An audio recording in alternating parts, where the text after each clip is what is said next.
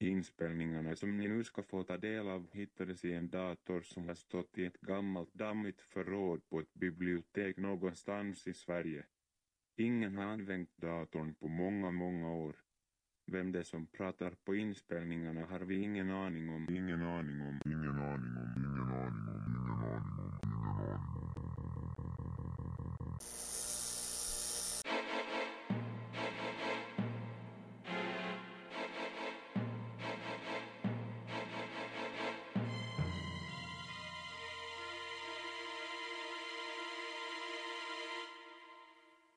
Mina vänner, jag misstänker att en del av er som lyssnar fortfarande är så unga så att ni går i skolan. Om ni inte vill få skolskräck och börja skolka på grund av rädsla så råder jag er att sluta lyssna nu. Dagens avsnitt kommer nämligen att handla om spöklika lektionssalar och kusliga korridorer. Hemsökta skolor helt enkelt. Jag är lite av en expert i ämnet. I slutet av nionde klass hade jag nämligen en nära döden-upplevelse på en skolgård. Det hela inträffade på skolavslutningen då jag slet upp kuvertet och tittade på mina slutbetyg. Hur? De var så rysligt dåliga att jag var traumatiserad i flera månader efteråt. Ja, ja, nog om detta. Nu är det dags för lite kusliga historier. På sajten Real Unexplained Mysteries berättas om de underliga händelserna på Pocatello High School i Idaho. Under jullovet 2014, närmare bestämt den 19 december, fångade en av skolans övervakningskameror någonting väldigt märkligt. I en alldeles öde och stilla korridor dyker plötsligt en skuggfigur upp. Figuren vankar fram i korridoren. Plötsligt stannar den till vid dörren till toaletten. Den tvekar i någon sekund innan den försvinner in i detta rum. Strax är den åter tillbaka i korridoren. Den vandrar längs med korridoren, bort från kameran och försvinner. Filmen blev väldigt omtalad när den kom och experter kallades in för att avgöra om den var äkta. Efter många om och men kunde man fastslå att filmen inte var manipulerad eller förändrad på något sätt. Den suddiga figuren måste således ha varit i korridoren den där decemberkvällen. Händelsen på filmen är bara en av många oförklarliga händelser som har inträffat på Pocatello High School. Större delen av dessa händelser verkar inträffa i närheten av skolans toaletter. Många elever vittnar exempelvis om att de har hört hur toaletter spolas trots att ingen är i närheten av dem. Elever som vistas i skolans dramasalar påstår att de har hört pianoklinkande från tomma musiksalar och ett stort antal studenter säger sig ha sett skuggor sväva ovanför dem när de går mellan lektionssalarna. Minst sex personer har dött på skolan under årens lopp. Bland annat beslutade sig några flickor för att ta livet av sig tillsammans. En av dem lyckades. Hon hängde sig i sitt skåp. En bibliotekarie tog också livet av sig genom hängning. En morgon upptäckte vaktmästaren att denna bibliotekarie dinglade från en av takkronorna i biblioteket. Dessutom drunknade en student i en av skolans gamla simbassänger. Omständigheterna kring detta dödsfall är minst sagt svåra och mystiska. 1914 brann skolbyggnaden ner. Den nuvarande skolan byggdes upp på samma plats fyra år senare. Kan hända omkom någon i denna brand och kanske är det denna person som numera vandrar runt på skolan som ett spöke. På Norra skolan i Vänersborg har det under många år hänt konstiga saker. Skolan ligger ganska centralt i staden och förbipasserande säger sig ha hört märkliga ljud från skolan då de promenerat förbi om nätterna. Det låter som barnskratt, men skolan är helt nedsläckt och att barn skulle befinna sig i byggnaden om natten låter otroligt. Om dagarna är det oftast lugnt på skolan, men en lärare har vittnat om att hissen emellanåt beter sig väldigt underligt. Den startar trots att ingen befinner sig i närheten av den och ibland öppnas dörrarna när man minst anar det och en sval vindpust yr ut. Det lär finnas misstankar om att något osynligt väsen använder hissen för att röra sig mellan våningarna.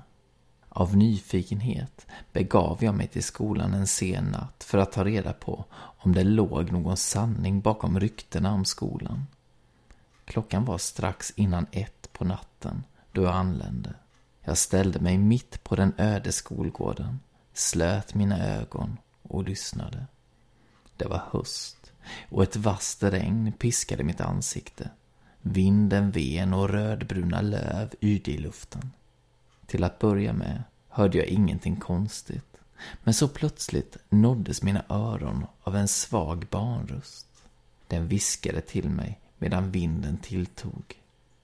Vi finns, väste rösten.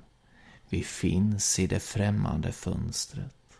Jag öppnade ögonen och såg mot skolbyggnaden. Och där, precis till vänster om den stora klockan, på den rödbruna tegelväggen, tonade sakta någonting fram.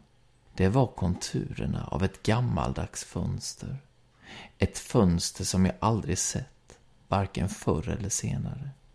Fönstret växte sig större och var snart en meter diameter. Först var rutan helt svart, men så uppenbarade sig långsamt vita partier i nederkanten. Det tog några sekunder innan jag insåg vad det var jag tittade på. Det var två barnansikten som pressade sig mot glaset. Alldeles bleka var de, med ögon svarta som kol. I ren förskräckelse tog jag några steg bakåt. Jag kände mig med ens svimfärdig och värre blev det då jag såg hur barnens små munnar öppnades. Det borde ha varit omöjligt för mig att höra vad de sa på så långt avstånd. Men av någon anledning uppfattade jag det ändå. Du ser, min herre, vi finns, skrek de. Sedan började de fnittra, allt medan munnarna i deras ansikten blev större och större, så att det enda jag till slut stirrade på var två skrattande gap. Då kände jag att jag hade fått nog. Jag slet blicken från fönstret och rusade ut från skolgården. Min kropp skakade fortfarande då jag någon timma senare kröp ner i sängen. Jag var nu alldeles övertygad om att det spökade på Norra skolan. På sajten Scary for Kids kan man hitta en historia kallad Schoolbag. Den är inspirerad av en japansk manga av Hidishi Hino. Här kommer min svenska version av den. När jag var åtta år gick det en flicka i min klass som hette Haku-chan. Hon var en glad och sprallig tjej som alltid hade ett leende på läpparna. Nästan varje morgon när jag närmade mig skolan såg jag henne. Hon var alltid tidig och brukade därför leka en stund på skolgården innan det ringde in. Hako-chan var lätt att känna igen, även på långt håll, eftersom hon alltid hade en röd skolväska på ryggen. En dag var inte Hako-chan på skolgården när jag kom på morgonen och hon dök inte upp längre fram på dagen heller. Inte ens lärarna visste vart hon tagit vägen. Först antog nog de flesta att hon blivit sjuk. Men när dagar blev till veckor och hon fortfarande inte syntes till började vi istället tro att hon flyttat. Lärarna försökte kontakta föräldrarna men fick inget svar. Tiden gick och jag hade nästan glömt bort Hako-chan då hon en morgon åter var på skolgården när jag kom. Men något var förändrat. Glädjen och lekfullheten som hon brukade utstråla var borta. Istället såg hon sjuk och håglös ut, där hon sakta strök omkring i utkanten av skolgården. Jag tror inte att någon av mina klasskamrater hade lagt märke till henne. Och jag såg min chans att bli den första som pratade med vår saknade klasskamrat. Med snabba steg gick jag rakt mot henne och vinkade glatt. Men istället för att vinka tillbaka ryggade hon undan och började fly bort från mig. Hon sprang i full fart och nästan kastade sig in i en liten skogsdunge. Jag sprang efter, men när jag kom fram till det tiotalet träd som utgjorde dungen var hon spårlöst försvunnen. Just då ringde skolklockan och det var dags att gå in. Jag lommade besviket iväg i riktning mot skolbyggnaden. Hakushan dök inte upp i klassrummet den dagen.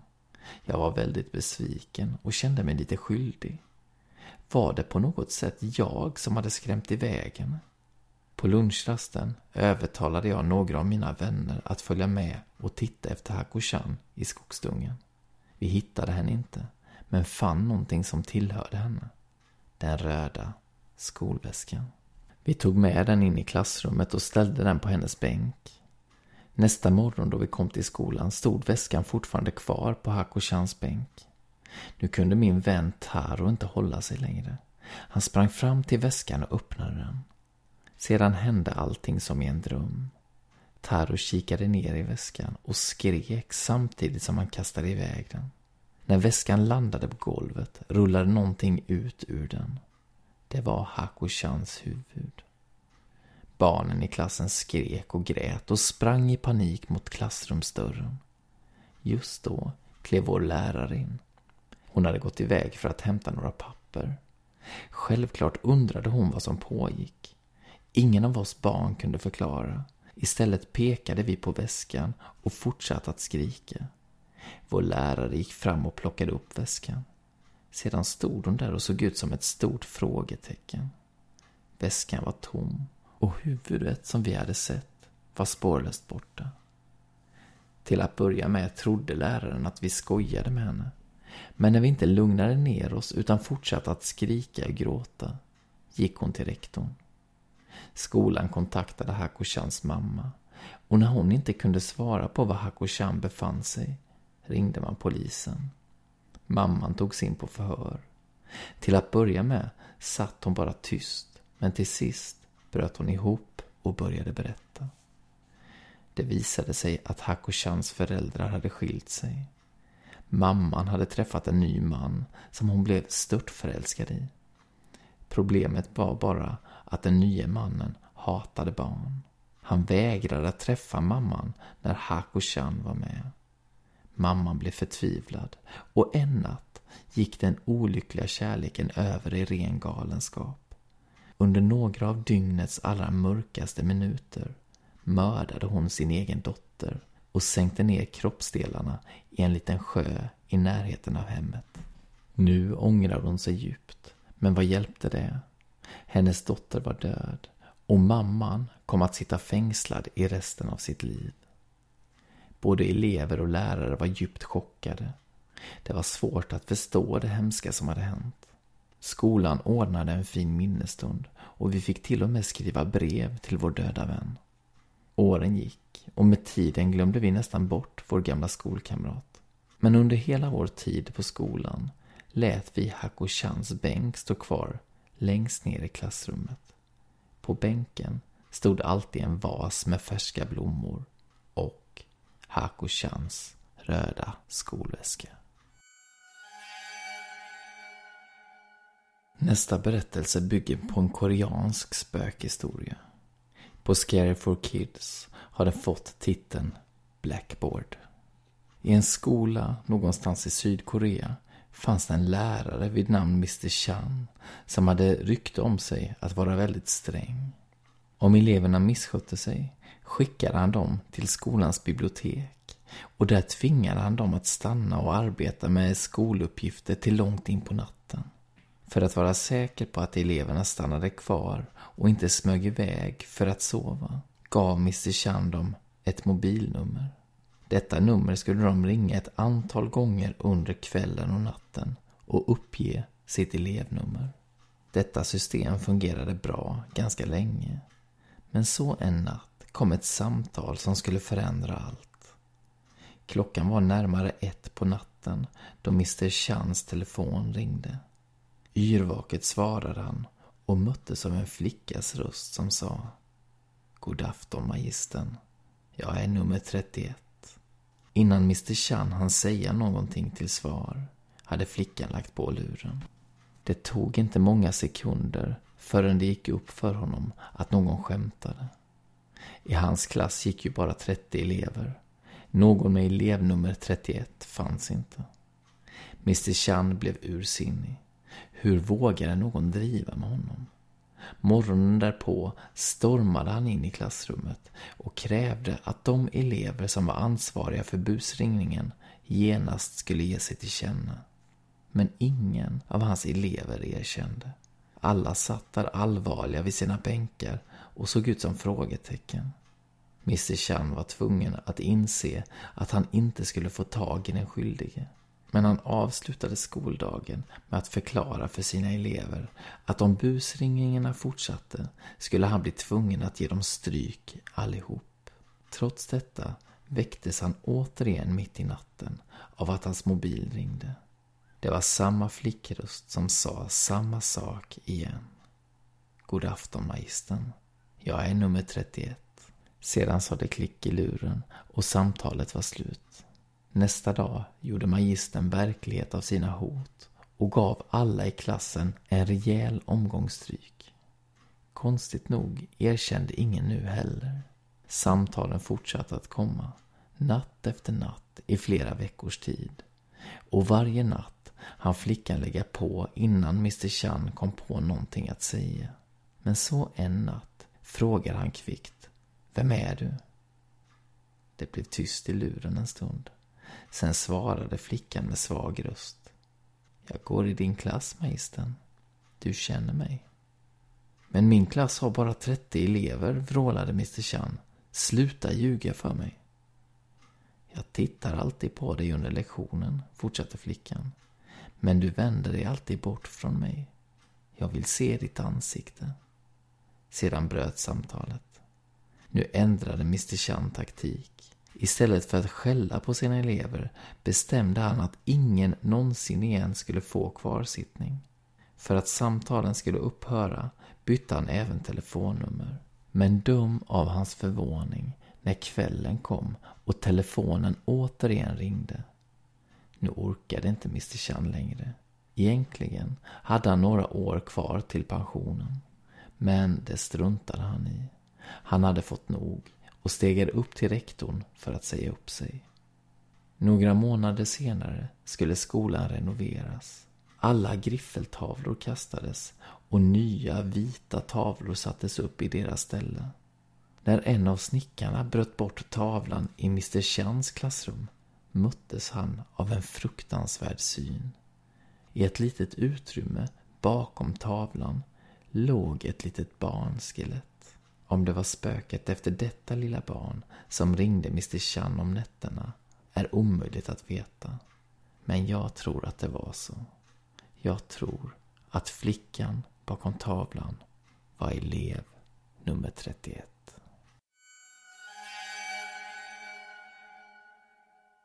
På sajten ThoughtCo berättar Steven Wagner några riktigt obehagliga historier som utspelar sig i skolor. Nu ska ni få höra dem. I USA finns en stor mängd internatskolor. På dessa skolor är eleverna bosatta under terminerna. På en sådan internatskola skulle en flicka vid namn Christina börja hösten 2006.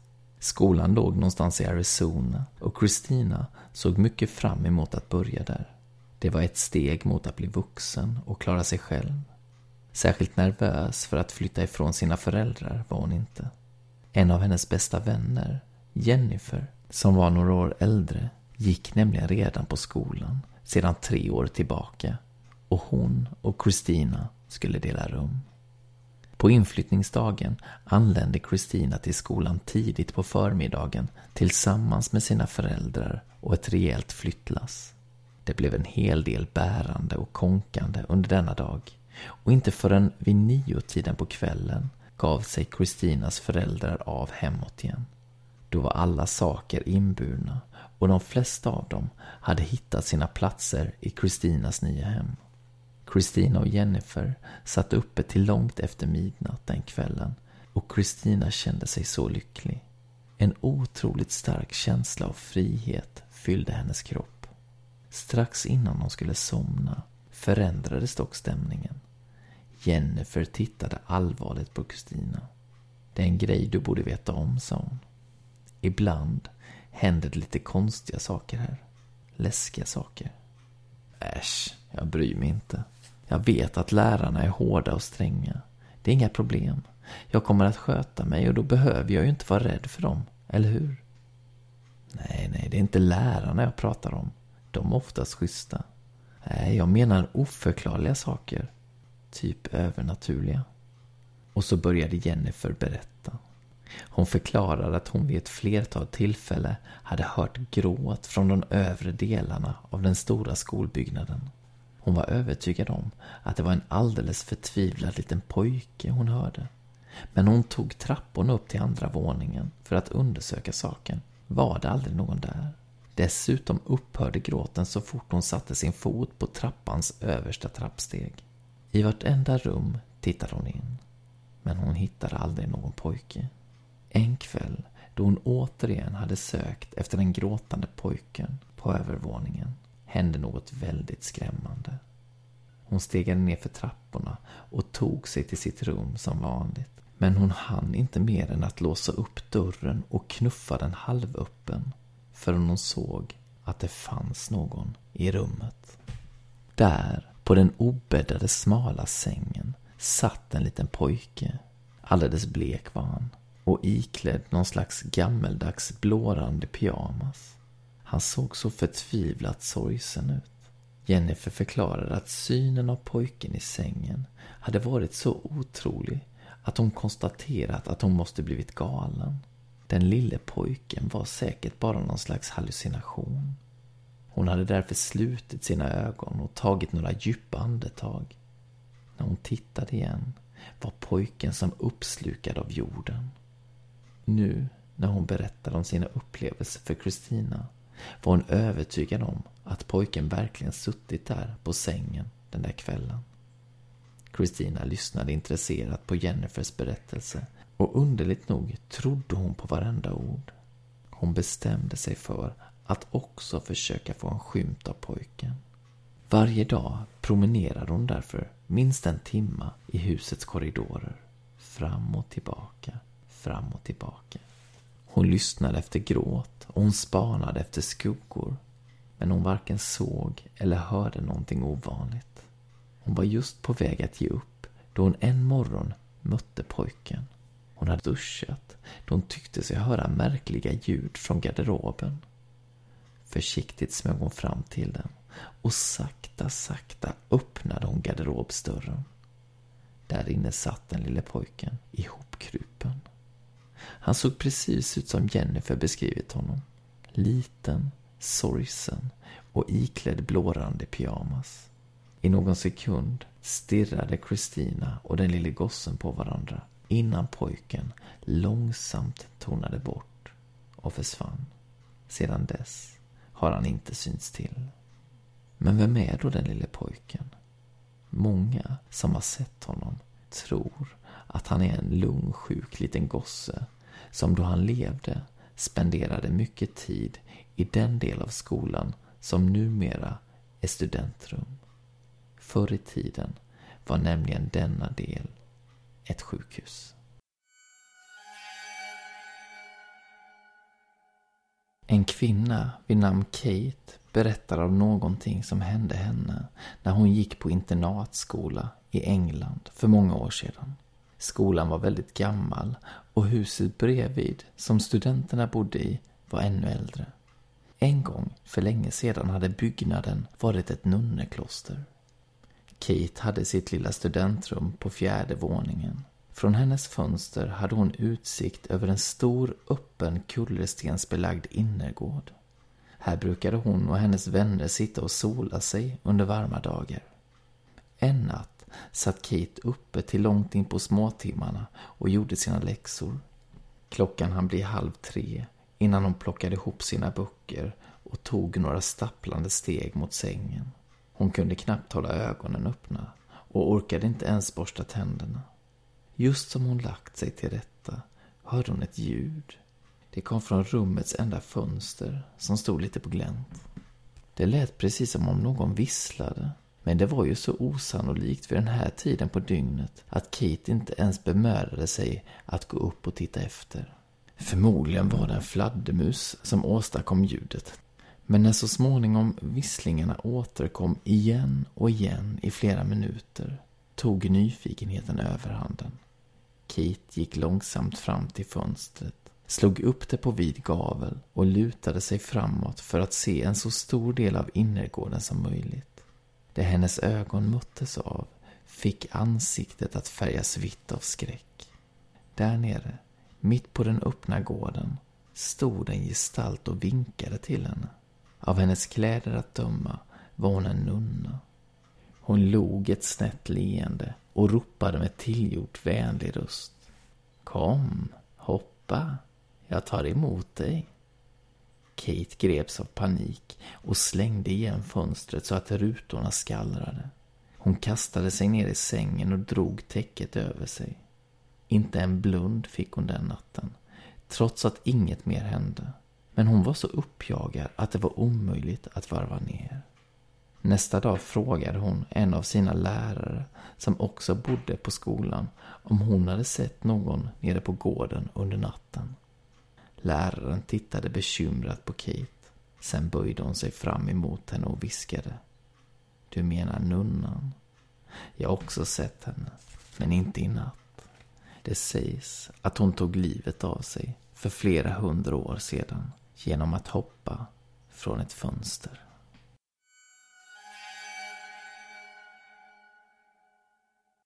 Jag tänkte avsluta detta avsnitt med att läsa Offerträdet av Magnus Nordin. Magnus Nordin är en riktig skräckmästare. Och om ni gillar berättelsen ni nu kommer få höra så finns det massor av andra böcker för er att läsa. Jordkällaren, Tystnadens hus, Förföljaren eller varför inte zombie-serien Varelserna. Men nu, låt mig få läsa Offerträdet. För de nordiska folken var Tor, Oden, Frej, Fröja och de andra gamla gudarna och gudinnorna lika levande, vördade och älskade som Jesus, Buddha, Shiva och Mohammed är för miljarder människor idag. Man blotade till Frej för fred och god årsväxt. Man blotade till Tor, åskans gud, som rådde över väder och vind. Kungar och hövdingar blotade till Oden för att vinna framgång i strid eller för att ta del av den allvetande gudens visdom. Vanligen offrades kött och öl, men vid svåra tider förekom även människooffer. Man skar halsen av offren och kropparna tömdes på blod. Liken hängdes därefter upp i heliga lundar där de fick dingla tills de ruttnade. Man trodde nämligen att stanken skulle behaga gudarna. Sista lektionen på fredagen. Religion. Som vanligt hade vår SO-lärare Torbjörn eldat upp sig ordentligt när han talade om sitt favoritämne, den gamla seden. Han vankade omkring i klassrummet och spände ögonen i var och en av oss som om han ville försäkra sig om att vi lyssnade till varje ord. När kristendomen trängde in i vårt land skövlades de gamla gudatemplen och helgedomarna och de kristnas kyrkor byggdes på våra förfäders heliga platser. Men nej då, mina vänner. Det var inte alla som accepterade den nya ordningen. Inte alla som vände sig ifrån de gamla gudarna. De kristna prästerna lyckades aldrig helt utplåna våra förfäders tro. Den gamla seden levde kvar hos ett fåtal gammeltroende som förde den vidare till nästa generation. Jag såg hur Freja sneglade på mobilen som hon gömde under bänken. Uttråkad som hon var av allt som hade med skolan att göra. Allt utom Samir, som satt några bänkrader bort och gäspade. Freja hade blivit kär i Samir på skolresan till Stockholm i vintras. På samma skolresa råkade jag ertappa Samir och Tuva i 9C med att hångla i bussen. Det var en syn som jag önskade att jag kunde radera från min näthinna. Jag berättade ingenting för Freja eftersom jag visste hur ledsen hon skulle bli. Jag hoppades att hon själv skulle genomskåda Samir. Hon är trots allt för smart för att vara ihop med en sån dryg idiot. Mm, några frågor? Med en förhoppningsfull glimt i ögonen skådade Torbjörn ut över klassrummet, men möttes av en mur av tystnad och bortvända blickar. Det spelade ingen roll hur mycket Torbjörn ansträngde sig för att försöka fånga vårt intresse. Det spelade ingen roll att det här knappast var första gången han föreläste om den gamla seden. Klass 9A på Odenviskolan var totalt ointresserad. Dessutom var det här vår sista lektion innan vi lämnade Torbjörns klassrum och Odenviskolan för gott. Måste vi verkligen sitta här och lyssna på ännu en tråkig föreläsning om den gamla seden? Kunde han åtminstone inte ha visat en film? Inga frågor? Inte en enda? Jag smög upp handen i luften. Torbjörn log lite grann. Mig kunde han alltid lita på.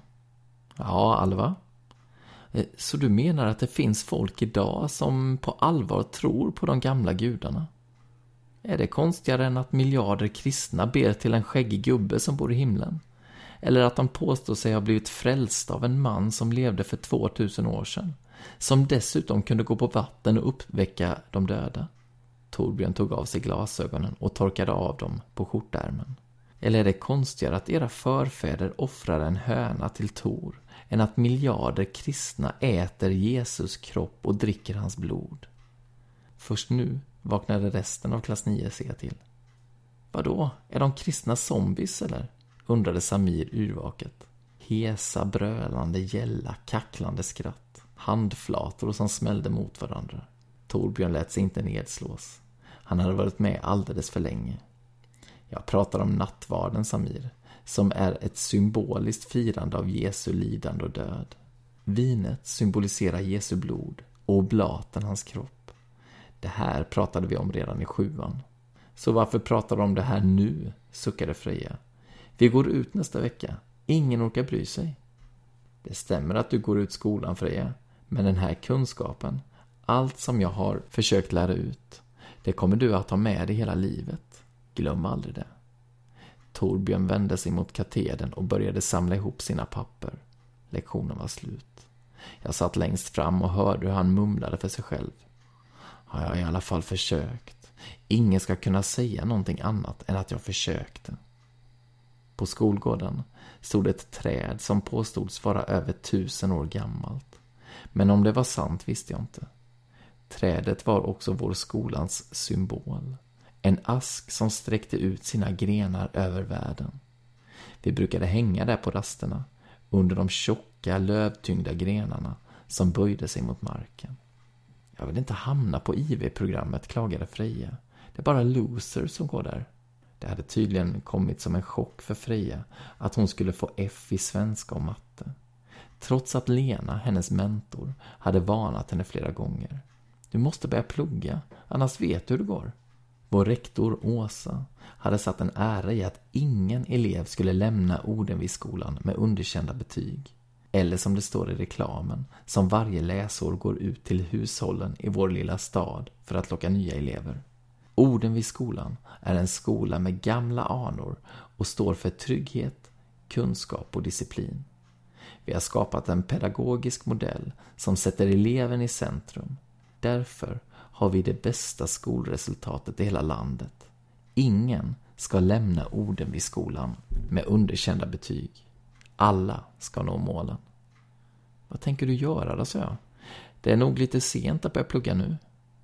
Vem har sagt att jag tänker plugga? Frejas röst sjönk till en viskning. Jag har en plan.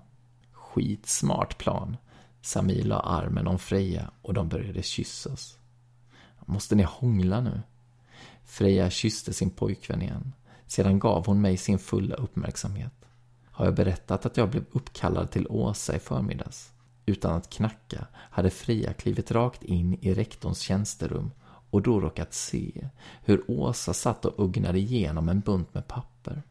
Men inte vilka papper som helst. Fatta att det var våra betyg. Du vet, Åsa brukar alltid kolla dem för att se om någon elev har fått underkänt. Vad ville Åsa förresten, sa jag. Freja ruskade på huvudet. Du skulle ha hört henne. Hon var så besviken på mig. Inte sedan Filip Håkanssons tid har vi haft en elev som har gått ut med så många underkända betyg som du, Freja. Jag begriper inte varför det blev så här. Du har fått så många chanser, Freja. Så många möjligheter att förbättra dig. Jag är så ledsen att vi har misslyckats. Jag lovar dig, Åsa var gråtfärdig. Som om det var hennes fel att det inte hade gått bra för mig. Eh, vem är Filip Håkansson? Har du inte hört talas om Filip Håkansson? sa Samir. Shit, mannen är en legend. Och vad hade han gjort för att bli det? sa jag torrt. En massa dumma grejer. Bland annat gjorde han inbrott på skolan. Typ dagen före skolavslutningen. Åkte han fast undrade jag. Filip försvann. Vadå försvann? Ja, han kom i alla fall aldrig till skolavslutningen. Hallå, protesterade Freja. Kan vi skita i Filip Håkansson och prata om min plan istället? Frejas skitsmarta plan var det. Jag suckade. Så du tänker försöka ändra ditt betyg? Hon nickade ivrigt. Så här funkar det. Lärarna matar in betyg i betygskatalogen som ligger på webben. När lärarna sen får betygen på papper brukar de dubbelkolla att de skrivit in rätt betyg. Om de skrivit fel, typ satt ett F istället för ett E, kan de ändra det i efterhand. Då stryker de bara över F och skriver ett E istället. Fattar du min plan? Det gjorde jag. Även om jag inte direkt gillade den. Jag tycker att det är en grym plan, sa Samir och kysste sin flickvän igen. Det tyckte inte jag. Om du åker dit blir det bara värre. Jag har ändå inget att förlora. Freja såg vädjande på mig. Du får inte svika mig, Alva. Skulle hon blanda in mig också? Jag hade inte den minsta lust att bli Frejas medbrottsling. Samir då? Samir ryckte beklagande på axlarna. Nej, jag har träning ikväll. Häpet glodde jag på Freja. Ikväll? Skojar du? Freja flinade bara. Fredagskväll. Lärarna går hem tidigt. Det blir perfekt. Och hur ska vi komma in på rektorsexpeditionen, har du tänkt dig? Du vet mattevikarien vi hade efter lunch? Han glömde de här på katedern. Freja stack handen i sin väska och fiskade upp en ficklampa och en nyckelknippa som hon dinglade med framför mina ögon. Vi gömmer oss och väntar tills alla gått hem. När skåphallen började tömmas på elever stack vi också. Men inte hem, utan ner för trappan till bildsalen. Stolarna stod uppställda på bänkarna och en stickande terpentindoft hängde kvar i luften efter fredagens sista bildlektion. Längs ena väggen stod stora rymliga skåp. Där gömde vi oss. Vaktmästaren gick alltid en runda innan han slutade för dagen. Han brukade kolla att fönstren var stängda och att inga ytterdörrar stod olåsta. Medan jag satt hopkrupen i mitt skåp hörde jag hur han låste upp dörren och klampade in i bildsalen. Hur han nynnade för sig själv medan han prövande ryckte i fönsterhandtagen. Med alla sinnen på helspänn följde jag ljudet av stegen och den smågnolande rösten. Det började bli varmt och kvavt. Jag avskydde trånga utrymmen och försökte att inte få panik. Till min lättnad hörde jag hur vaktmästarens steg avlägsnade sig och därefter hur dörren slog igen. Jag drog luckan åt sidan och kravlade ut. Våra skuggor strök mot väggarna medan vi smög genom korridoren på väg mot trapphuset. Ljudet av våra knarrande gummisulor mot linoleumgolvet fick mig att inse hur öde skolan var när alla hade gått hem. När det ständiga oväsendet från smällande skåpluckor, springande steg och hesa skratt och gälla skrik hade tystnat. Uppe på första våningen tog vi av till vänster och var framme vid skolans allra heligaste rum, rektorsexpeditionen. Jag vaktade dörren medan Freja letade efter rätt nyckel. När hon hade låst upp och smugit in på Åsas tjänsterum blev det tyst. Plötsligt hörde jag henne utropa. Nej, det är inte sant. Jag stack in huvudet i dörröppningen och undrade vad som stod på. Betygen är borta. Har du kollat lådorna? Hon skrattade till. Ja, vad dum jag är. Medan hon rotade i skrivbordslådorna började verkligheten komma ikapp mig. Vad gjorde jag här egentligen? Tänk om vi åkte fast. Kanske hade Freja inget att förlora, men det hade definitivt jag. Jag fattade inte hur Freja lyckades övertala mig. Jo förresten, det gjorde jag faktiskt. Freja var min bästa kompis. Vi hade känt varandra så länge att vi var nästan som systrar. Fast sedan hon blev ihop med Samir sågs vi inte lika ofta som förut. Men det är svårt att säga nej när din bästa vän ber dig ställa upp. Dessutom kände jag Freja så pass bra att jag visste att hon skulle genomföra sin plan med eller utan mig. Och då var det bättre att jag var med. Kolla här, Alva. Mellan Frejas tum och pekfinger dinglade ett hängsmycke i en tunn kedja. Jag kände igen den enögde skäggige figuren vars förgyllda ansikte blänkte. Tror du att det är äkta guld? Freja vred och snurrade på det glimrande smycket. Vad är det för en gubbe egentligen? Det ser ut som orden. Han var ju enögd. Frejas ögon glänste medan hon studerade halsbandet. Hur kan Åsa ha sånt här fint smycke i skrivbordslådan? Det borde ligga i ett bankfack. Hon får skylla sig själv om någon snor det. Eh, du tänker väl inte, började jag. Men Freja skakade på huvudet. Jag kanske är en fuskaralva, men någon tjuv är jag inte. Hon stoppade tillbaka smycket och sköt igen lådan. Sedan reste hon sig ur skrivbordsstolen. Vi sticker. Hon måste ha tagit med sig betygen. Fan också. Plötsligt hörde vi steg ute i korridoren. Vi hukade oss snabbt ner under skrivbordet.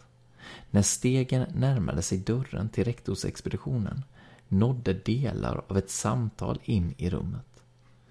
Ja, om vi fortsätter att tappa elever kommer politikerna att lägga ner skolan. Det är bara en tidsfråga. Vi är tvungna att göra någonting. Jo, jag vet. Ja, du minns väl att vi lyckades vända skutan förra gången? Trots att skolan hade det sämsta betygsresultatet i hela Värmland. Jo, men då hade vi också många svaga elever. Diagnoser, läs och skrivsvårigheter. Mm, och vi hade Filip Håkansson. Ja, prata inte om eländet. Svåra tider kräver svåra beslut. Det behöver du inte påminna mig om. Vi tittade på varandra. De rösterna kände vi igen. Den ljusa, smågnälliga tillhörde Torbjörn. Den mullrande stämman var vår idrottslärare Roffe som brukade skryta om att han var trefaldig svensk mästare i glimabrottning. En nordisk form av brottning med anor från vikingatiden. Hur många gånger hade vi inte hört det? Vad gör de här, viskade jag. Rösterna dog bort. En dörr smällde igen. Vi väntade ytterligare ett par minuter. Sedan smög vi därifrån. I slutet av korridoren fanns en glasdörr som ledde till trapphuset. Om vi inte stötte på fler lärare skulle vi kunna smita ut den vägen och snart vara hemma. Lika bra att jag går först och kollar, sa Freja och öppnade dörren. Hon hann bara ta ett par kliv ner för trappan innan hon stelnade till och gestikulerade åt mig att backa. Vad är det nu? frågade jag. Lena och Ingrid. De också. Vad gör de här allihop? Freja såg sammanbitet på mig. De är på väg hit. Vi måste hitta en annan väg. Det finns ingen annan väg, sa jag. Hon pekade på en dörr. Kom, jag vet det perfekta gömstället. Menar du allvar, sa jag. I samma korridor hade lärarna sitt arbetsrum. På dagarna stod dörren öppen och vi var alltid välkomna, så länge vi hövligt framförde våra ärenden och tålmodigt väntade i dörröppningen på att bli inkallade, så att lärarna hann avsluta vad de höll på med. Freja fiskade upp nyckelknippan och provade febrilt de olika nycklarna. Till slut knäppte det till i låset. Yes, utropade Freja. Jag undrade om hon var riktigt klok. Lärarrummet? Seriöst? Men det är ju det som är genialt, sa Freja upphetsat. Lärarna tror aldrig att vi skulle våga gömma oss i deras arbetsrum. Men de vet väl inte att vi är här heller, invände jag. Så då spelar det väl ingen roll var vi gömmer oss. Och vi vet inte vad de gör här. Om de har personalmöte, firmafest eller vad det nu kan vara. Men vi måste i alla fall gömma oss innan de kommer. I samma ögonblick hördes röster och steg ute i trapphuset. Vad väntar du på? undrade Freja. Motvilligt steg jag in i lejonets kula. Jag stängde dörren tyst bakom mig och smög efter Freja genom lärarrummet. Skrivborden var överhopade med tjocka papperstravar, proppfulla pärmar och sönderbläddrade läroböcker. Där stod också den stora skrymmande kopieringsmaskinen som hade den irriterande ovanan att sällan fungera som den skulle, om vi skulle tro lärarnas ständiga klagovisor. Vi gömmer oss här inne. Freja öppnade en dörr med skylten ”Förråd” och tryckte på lysknappen. Lampan i taket tändes. Rummet var litet och saknade fönster. Bokhyllor fyllda med kontorsmaterial och böcker upptog nästan hela utrymmet. Vi väntar här tills de har gått. Freja satte sig på golvet och tog fram sin mobil. De lär inte stanna här hela kvällen. Hörde du förresten vad Torbjörn och Roffe pratar om? Frejas tummar dansade över knapparna. Ja, något om att skolan går dåligt. Varför skryter du oss om att vi har det bästa skolresultatet i landet då? Men det var inte det enda som jag grubblade över. Vad var lärarna tvungna att göra? Vad hade egentligen hänt med Filip Håkansson? Och varför hade Roffes replik låtit så olycksbådande? Svåra tider kräver svåra beslut. Vem bryr sig ifall de lägger ner skolan? En sak var i alla fall säker. Odenvidsskolan var en skola med mycket gamla anor. Både mina och Frejas föräldrar hade gått här. Min morfar och mormor också. Orden vid skolan verkade alltid ha funnits här i vår lilla värmländska stad. Men tydligen inte länge till, om vi skulle tro Torbjörn och Roffe. Minuterna släpade sig fram. Oron kröp i mig och för att få annat att tänka på började jag intressera mig för böckerna i hyllan. Mest klassuppsättningar av klassiker som generationer av Odenvi-elever hade lämnat sina flottiga fingeravtryck på. Men på en av hyllorna stod en gammal bok med sprucken rygg som väckte min nyfikenhet. Titeln var så nött att den nästan var oläslig. Men till sist lyckades jag tyda de förgyllda bokstäverna. Den gamla seden. Boken var inklämd mellan de andra böckerna och gick knappt att rubba.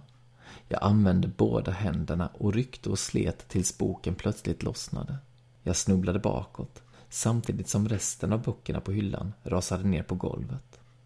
Vad håller du på med? väste Freja. Böckerna hade lämnat ett gapande hål mellan hyllplanen. Där bakom såg jag någonting. När jag böjde mig fram för att titta närmare slog en obeskrivligt äcklig lukt emot mig. Jag ryggade tillbaka. Freja viftade med handen framför näsan, som om hon försökte vädra bort den unkna kväljande stanken som spred sig i det lilla rummet. Vad är det som stinker? Ge mig ficklampan. Freja räckte mig ficklampan. Jag knäppte på lampan och riktade ljuset mot utrymmet mellan hyllorna. Jag flämtade till. Nu fattade jag varför man hade ställt böckerna så tätt att de nästan varit omöjliga att rubba. Bakom bokhyllan fanns ett lönnfack. Ett ilsket rött öga stirrade på mig. Det stirrande ögat satt i ett skäggigt mansansikte med grovhuggna drag. Hela gestalten mätte med socken han stod på knappt en meter. I sin ena hand höll han ett järnspjut. Runt armen satt en bred guldring. Figuren var av trä, målad i grälla, lysande färger. Ah, vilken creepy gubbe, viskade Freja. Om Freja hade varit vaken på Torbjörns lektioner skulle hon kanske ha känt igen honom. Det är orden. Jag riktade ficklampan mot kopparkärlet som stod vid trägubbens fötter. Små gula fjäderdun satt fastklibbade i den svarta stelnade sörjan som täckte kärlets botten. Nu visste jag vad det var som luktade. Blod. Frejas hand flög upp mot munnen. Åh, jag tror jag spyr. Tror du att det är riktigt blod? frågade Freja medan vi hjälptes åt att ställa tillbaka böckerna i hyllan. Jag tror att både blodet och fjädrarna är äkta. När vi var klara satte vi oss på golvet. Freja gnuggade sig om armarna som om hon frös. Det här är sjukt obehagligt. Det måste vara Torbjörn. Håll med om att han är skum. Så ofta han har tjatat om de gamla gudarna är det väl inte så konstigt att han också tror på dem. Ja, men att offra en levande kyckling, sa jag. Är inte det lite överkurs till och med för Torbjörn? De andra lärarna måste väl ha märkt någonting? De borde i alla fall ha känt lukten, instämde jag. Av blodet. Tänk dig hur det måste ha luktat när det var färskt. Sjukt obehagligt, säger jag bara, mumlade Freja och började knappra på sin mobil. Medan vi fortsatte fördriva tiden i väntan på att lärarna skulle försvinna från skolan öppnade jag den gamla boken. Omslaget pryddes av runor och mystiska symboler. Pappret var hårt och strävt som pergament. Boken måste vara urgammal, tänkte jag. Vårblot stod det skrivet med stora sirliga bokstäver på första sidan. Under texten var det bilder. En serie ålderdomliga träsnitt som verkade återge någon slags ritual. En skara människor med facklor i händerna hade samlats kring ett träd med knotiga grenar. Det liknade faktiskt Odenviskolans symbol. En naken man med bakbundna armar knäböjde vid trädets fot. På nästa bild hade en kvinnlig figur trätt in på scenen iförd en mörk kåpa som dolde ansiktet. I en hotfull gest höjde hon en halvmåneformad kniv mot den knäböjande mannen. På den tredje och sista bilden hängde den nakne mannen från en av grenarna medan blodet droppade ner i en skål som kvinnan höll under honom. Plötsligt visste jag vad bilderna föreställde. Det var Torbjörns historier om den gamla seden, de blodiga offerriterna som han hade underhållit oss med så många gånger på lektionerna att vi hade slutat att tänka på vad det var han egentligen försökte berätta. Kanske var de gamla berättelserna mer än bara berättelser. Kanske försökte Torbjörn förmedla en kunskap till oss som inte hade dött ut för tusen år sedan. Trägubben och det blodiga kopparkärlet tydde ju på att någon fortfarande höll den gamla seden levande. När jag betraktade de kusliga bilderna slogs jag av en annan, minst lika skrämmande tanke. Tänk om bilderna i boken i själva verket var instruktioner. Kanske var det en handbok i hur man blotade. Rubriken Vårblot tydde på att det var något återkommande, en tradition. Som Torbjörn hade sagt, den gamla seden levde kvar hos ett fåtal gammeltroende som förde den vidare till nästa generation. Alva? Freja petade till mig på axeln och pekade menande mot dörren. Hör du inte? Jag hörde. De dämpade rösterna i lärarrummet. Släck, viskade Freja. Jag sträckte mig efter lysknappen på väggen. Det blev kolmörkt. Medan hjärtat rusade i bröstet lyssnade jag på rösterna som närmade sig. Jag kände igen Lenas käcka stämma. Ska vi gå och hämta gubben då? De väntar ju på oss där nere. Ingrids knarriga röst. Gubben, där sa du något. Man kan tro att de aldrig hört talas om Fröja och Frigg. För att inte tala om Idun. Ja, traditionerna är som de är. Ja, gubbiga. Kvinnorna brast ut i skratt. Någon började skramla med en nyckel. Är det låst? Ja, det är klart. Skrattet hade tystnat. Nyckeln stacks i låset och vreds om. Handtaget trycktes ner. Dörren gled långsamt upp. En hand sträcktes in i rummet, trevade efter lysknappen. I samma ögonblick knäppte Freja på ficklampan och lyste Lena rakt i ansiktet. Med ett skrik ryggade hon bakåt och krockade med Ingrid, som i sin tur ramlade på kopieringsmaskinen, som omedelbart gick igång och började spotta ut papper efter papper. I tumultet, när de försökte komma upp, passade vi på att sticka. Likt två elefanter flydde vi genom lärarrummet, stötte emot stolar och skrivbord, rev ner papper och böcker på golvet. Ut i korridoren, mot trapphuset i andra änden. Framme vid trappan stannade vi och hämtade andan. Röster ekade i trapphuset nedanför oss. Det lät som om de närmade sig. Ännu fler lärare var alltså på väg. Vår enda reträttväg var avskuren igen. Vi stirrade på varandra. Vad skulle vi göra nu? Jag vet, sa Freja. Vi rusade upp för trappan till andra våningen. Rader av stängda bruna klassrumsdörrar väntade framför oss i korridoren. Kemisalen, Freja pekade ivrigt på dörren närmast oss. Därifrån kan vi ta oss ut. Så fort vi hade låst dörren bakom oss rusade vi fram till fönstret. Rakt nedanför kemisalens fönster fanns ett utskjutande tak. Från det skulle vi kunna ta oss ner på marken. Freja dök plötsligt ner med huvudet. Shit, Peter och Astrid står där nere. Jag hukade mig också ner. Såg de dig?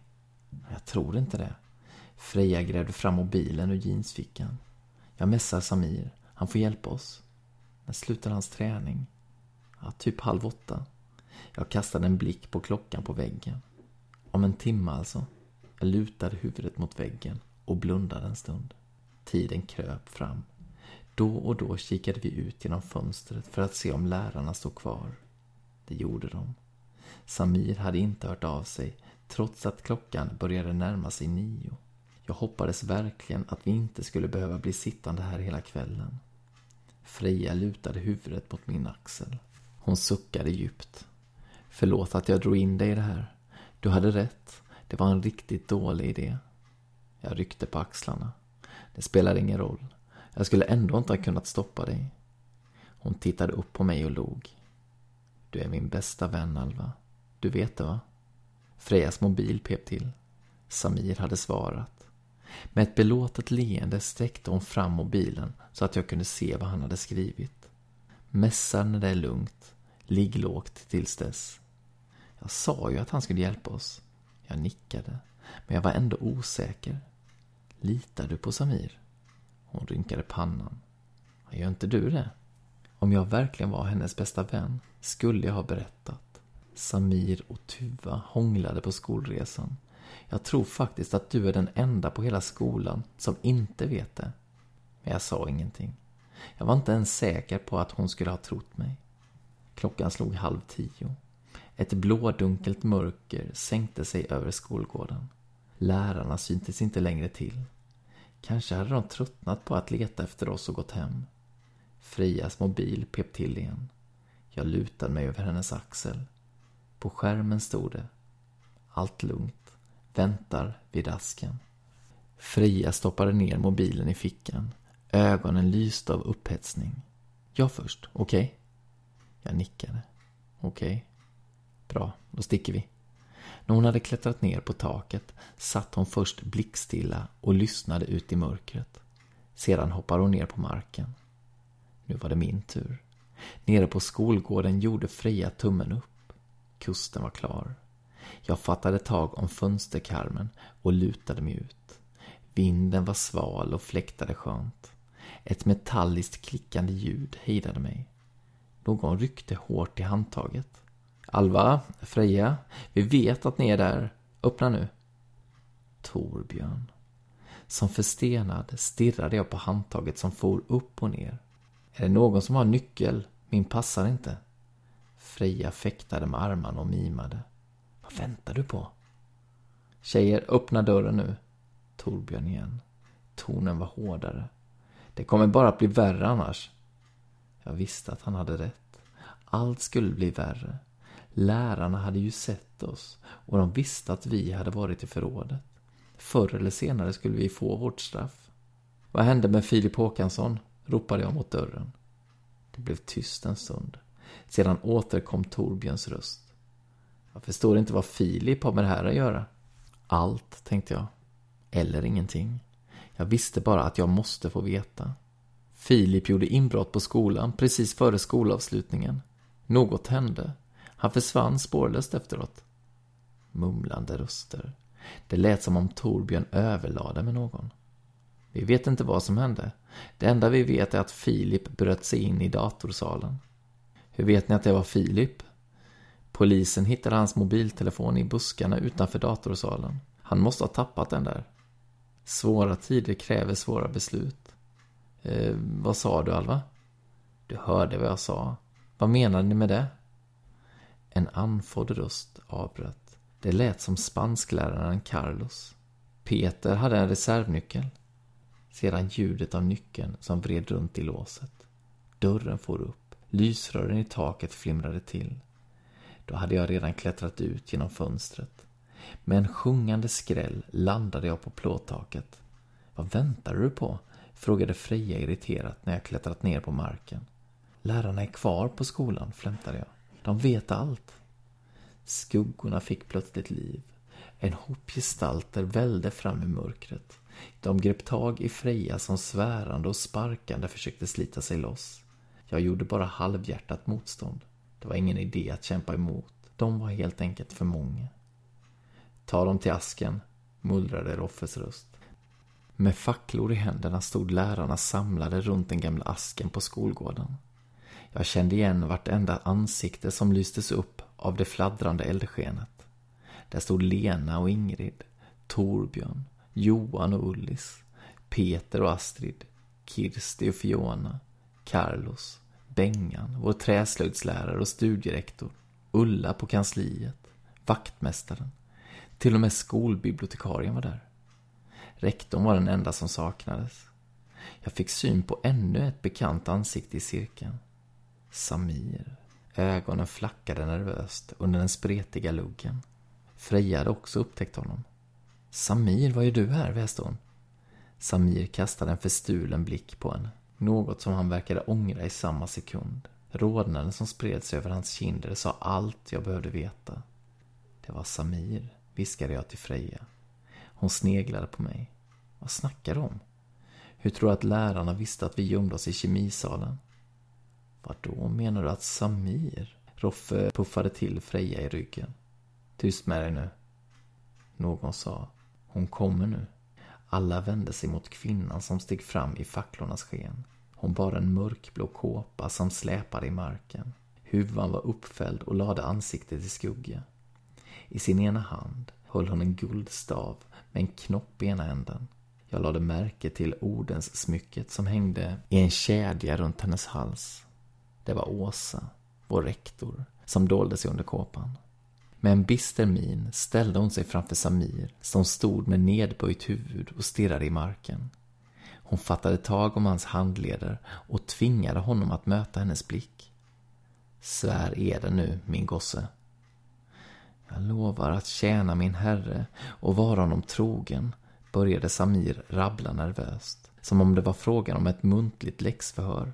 Må han slå ner på mig med eld och järn om jag bryter denna ed. Åsa tog av sig guldringen som hon bar runt ena armen och höll fram den mot Samir. Kyss den höges heliga ring. Samir böjde sig fram och tryckte läpparna mot ringen. Åsa nickade belåtet. Må den höge beskydda dig på din väg, frände. Samirs axlar sjönk ihop av lättnad. Frejas ögon var tomma och blanka. Sedan ställde sig Åsa framför mig. Vi hade väntat oss mer av dig, Alva. Mina ben skakade. Hjärtat slog. Men Torbjörn la ett gott ord för dig. Vi har därför bestämt oss för att ge dig en andra chans. Svär eder det nu. Med viskande röst upprepade jag orden som Åsa sufflerade. När jag var klar höll hon fram ringen och jag kysste den utan att tveka. Må den höge beskydda dig på din väg, frände. Åsa såg kort på Freja, men vände sig sedan mot den gamla asken. Uppställd vid trädets fot stod den enögde trägubben och glodde på oss med sin urkarvade mun i en bister grimas. Rektorn höjde sina armar mot asken. Hennes röst ekade över skolgården. Vi hälsar dig, o höge herre, du som hängde i nio nätter och nio dagar i Yggdrasils grenar. Du som offrar ditt öga i Mimers källa. Du som vet allt och ser allt. Du som har skänkt oss många goda år. Hon tystnade och det enda ljud som hördes var vinden som susade i askens knotiga grenar. Vi har försökt tjäna dig väl, o höge herre, men vi fruktar att vi har misshagat dig. Har våra gåvor inte varit tillräckliga? Visa dig och vi ska utföra din vilja. Sakta sänkte Åsa armarna och började sjunga med klar röst. Lärarna föll in i melodin och deras ljusa och mörka stämmor smälte samman till en mäktigt mässande kör. Jag hade aldrig hört något liknande förut. Orden var främmande som om de sjöng på ett urgammalt språk från en grym och gåtfull tid. Den suggestiva sången som böljade fram och tillbaka i den svaga brisen försatte mig i ett transliknande tillstånd. Plötsligt började jag få underliga syner som jag än idag inte kan förklara. Asken började anta skepnaden av en gammal man.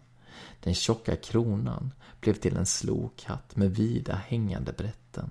De knotiga grenarna blev armar och kvistarna såg ut som fingrar som kramade en lång käpp.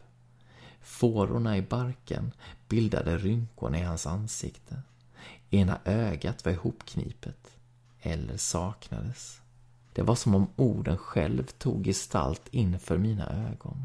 Sången tystnade och den drömlika synen bleknade bort. Den gamla asken återfick sin vanliga trädform. Tystnaden föll över skolgården. Det enda som hördes var löven som prasslade i vinden. Åsas armar for upp igen. Rösten vibrerade av glädje. Åh, höge Herre, du har visat ditt anlete för oss. Så låt oss visa vår tacksamhet genom denna dyrbara gåva. Jag vred på huvudet och såg skräcken i Frejas ögon. Jag tror jag vet vad som hände Filip Håkansson, mumlade hon. Det gjorde jag också. Men det spelade inte längre någon roll. Allting hände mycket fort.